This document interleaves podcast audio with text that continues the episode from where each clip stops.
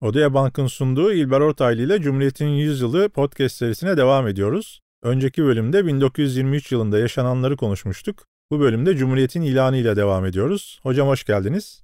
Gazi Mustafa Kemal Atatürk kitabınızda diyorsunuz ki Osmanlı Türk İmparatorluğu'ydu, bu da Türklerin Cumhuriyetidir. Evet. Cumhuriyet fikri nasıl doğdu ve Cumhuriyet nasıl bir tarz idare diye sorayım ve başlayalım. Kullandığınız bu söz e, Sabiha Sultan'a aittir. Vahdettin'in kızı, son padişahın kızı.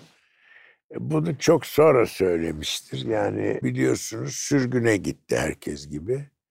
Dönüşü çok enteresan. Kadınlara, kadın üyelere, sultanlara affın ilan edilmesiyle birlikte Demokrat Parti 52, 1952 gidiyorum diye çarşıdan eve dönmüş Mısır'da. Nereye gidiyorsun demişler. Yani kızları, çocukları, torunları etrafında kalkıp nereye gidiyorsun İstanbul'a? Hani evlat hasreti mi çekiyorsun? Vatan hasreti bile dermez buna. Türkçe hasreti. Türkçesi çok iyidir. Şunu söylüyor yani bu cumhuriyet Türklerin cumhuriyetidir. İmparatorluk da Türklerin imparatorluğuydu. Yani böyle iki ayrı millet falan gibi mütalaa edemezsiniz ve devletin bir geçişkenliği vardır. Doğru bir halefiyeti vardır. Hiç kimse Osmanlı Devleti'nin ne borçlarını affetti bize ne de biz zaten o yola girdik inkara. Hiç kimse Osmanlı Devleti'nden soracağı şeyleri haklı haksız hala bize yüklüyor. Görüyorsunuz olayları. Ve bu millet bu dili konuşuyor, bu orduya sahip, bu kadrolara sahip, işte bu vatana sahip gidiyor. Bu çok önemli bir unsur. Bunu bilmek zorundayız. Monarşiden cumhuriyete geçmekle burada apayrı bir şey çıkmadı ortaya. Bu tipteki söylenceler işte başka bir vatan, başka bir sosyete bu Durkheim tabirinde bir cemiyet demektir. Söylense de bu bir hedeftir. Bir hedeftir. Böyle olacaksınız yani eskisi gibi yaşamayacaksınız. Daha başka bir yaşamın içine gireceksiniz. Bu hedef ne kadar gerçekleşti bilmiyorum. Şimdi bu cumhuriyet lafı bu çıktı. Bunların üstünde şunu söylüyorum size. Bu cumhuriyeti tabiri kafada yaşıyor. Burada Türklerin laik aydın sınıfı diyeceğimiz asker ve sivil bürokratlarda bile bir nevi bir takiye kültürü var. Yani öyle tabirler kullanıyorlar ki etrafta efendim iradeyi milliye, işte volonte nasyonalle, volonte general falan filan bunların çevirisi kullanılıyor. Bir türlü cumhuriyet lafı edilmiyor ama gelinim sana söylüyorum, kızım sen anla, kızım sana söylüyorum, gelin anla havası içinde bir tabir. Bunlar Selanik'teki gazinoda, Beyaz Kule önündeki kahvede, İzmir'de şu köşede, Beyrut'ta orada burada, İstanbul'da rahat olmasa bile bu münakaşalar bu tip konuşmaya bir nevi irade ne olduğunu, bir nevi cumhuriyet rejiminin ne olduğunu, özlemin ne olduğunu kendi hallerinde, kendi içlerinde lisanı hal ile ifade etmeye alışmışlar. Çünkü Türk münevverinin son asırdaki olayı şu. Kitabı bir arada okuyorlar. Böyle bir huyları var. Bu kitabın olmamasından değil. Yani tabii baskıda çok az var, pahalı falan o da olabilir ama kitabı okuyup tarih kitapları dahil okuyup birlikte yorumlamak, soruşturmak, dışarı okumuş olarak çıkmak gibi bir şey var. Bu enteresan da bir yapı. Yani böyle öğrenim tarzı var. Mustafa Kemal Paşa Cumhuriyet fikrini ilk ne zaman dile getiriyor peki?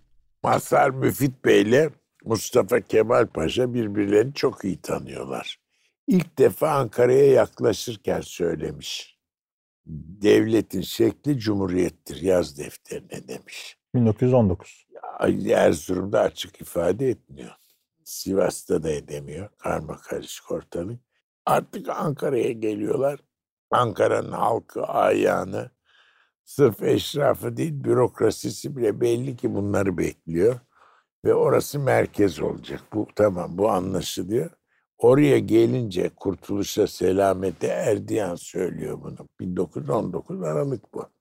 Sonra Cumhuriyet'in ilan edileceği gece de Yani o son yemek diyorlar ona. O yemekte e artık rahat rahat konuş demiş yani. Orada bile. Fakat tabii o artık bu işe taraftar insanların toplantısı isimlere baktığınız zaman sonraki siyasi fikir ayrılıklarını hiç lafa katma. Yani orada fikirleri belli yerde toplanan insanlar. Efendim bütün iddia terakki mensupları cumhuriyetçi mi? Tövbe estağfurullah. Hiç öyle bir şey yok. O şerefi vermeyin herkese. Enver Paşacılar var. Enver Paşa'nın adamları için hiç mühim değildir bu. Çünkü Enver kendisi saltanat ve hilafetle bir İslam birliği kurmak ister. Onun ideali onun için çarpıştı, öldü. Ama Talat Paşa cumhuriyetçidir, bu bilinir. Talat Paşa'nın adamı olarak Celal Bayar yani o zamanki Mahmut Celal Bey İzmir bölgesi katibi mesulü yani bölge genel sekreteri o da cumhuriyetçi fikirleri vardır ve Atatürk'e çok yakındır. Onun için bunların böyle ortaya dökülmesi var.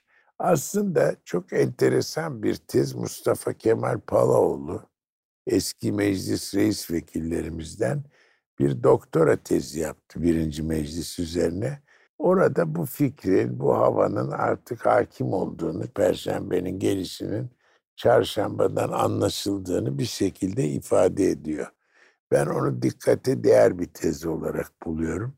Ve bu yaygın bir şey. Çok tabu bir kelime değil artık. Yani Ankara Meclisi'nde bu çok tabu bir kelime değil. Ama zinhar kimse meclis kürsüsüne çıkarak telaffuz etmemiş. Açıktan açığa koridorlarda lafı ağzına almamış çünkü muhalifler de var. Bu bir konvansiyonel meclis ama Robespierre'in ihtilal meclisi değil, Sovyetler toplantısı değil. Yani burada muhalif gruplar da var. Hem sağ hem sol hem işte paşanın etrafındakiler. O bir safhada bu laf edilmiyor. Slogan tam aksine hilafet ve saltanatı kurtarmak. Hiç de öyle olmadığı anlaşıldı. Daha doğrusu böyle bir şeyi zaten çok ters bir şekilde ifade etmek zorunda kalmadıkları açık oldu.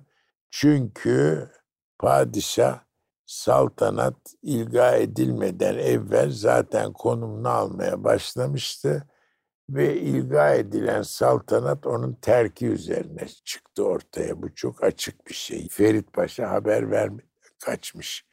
Senin grubundan birisi en güvendiğin adam gizlice dağılıp kaçıyor. Bu olmaz. Öbürünü linç etmişler İzmit'te. Ali Kemal'i yani Kalemşor'u. Vahdettin bu gibi şeylere Sol Sultan 6. Mehmet Vahdettin bunlara dayanabilecek bir şey de değil irade. Zaten öyle bir durum da yok. Hükümet kuranların sadrazamların içinde Tevfik Paşa Ankara sempatizanı açıkça bilinir zaten. Son sadrazamımız. Ali Rıza Paşa eh yani hepsinin o şeyin kabinelerinin içindeki üyelerin, sadrazamların bilhassa harbiye nazırlarının tutumları çok farklıdır. Onun için böyle bir yerde padişahın artık kalması pek akıllı bir iş değildir. Osmanlı tarihinde hadiseler çıkacaksa ve büyük kaos çıkmadan evvel hükümdarın çekilme adeti vardır. Onların kanına işlemiş. Tabii o hanedanın tarihi içinde olan olaylar ürpertir insanları. Genç Osman vakası gibi. Bu bakımdan o çekilmiştir.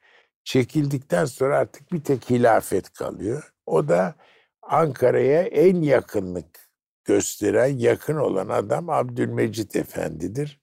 O Ankara'ya bağlı bir halife olarak İstanbul'da oturuyor. Maalesef halifenin o hilafet makamını, o dengeli makamı yeterince dengeli koruyamaması.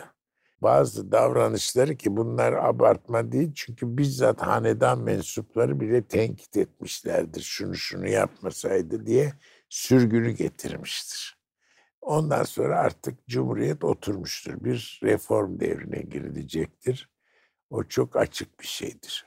Hocam çok teşekkürler. İlber Ortaylı ile Cumhuriyet'in 100 yılı serimizin bir sonraki bölümünde Cumhuriyet'in kurucusu Gazi Mustafa Kemal Atatürk'ü konuşacağız. Kaçırmayın.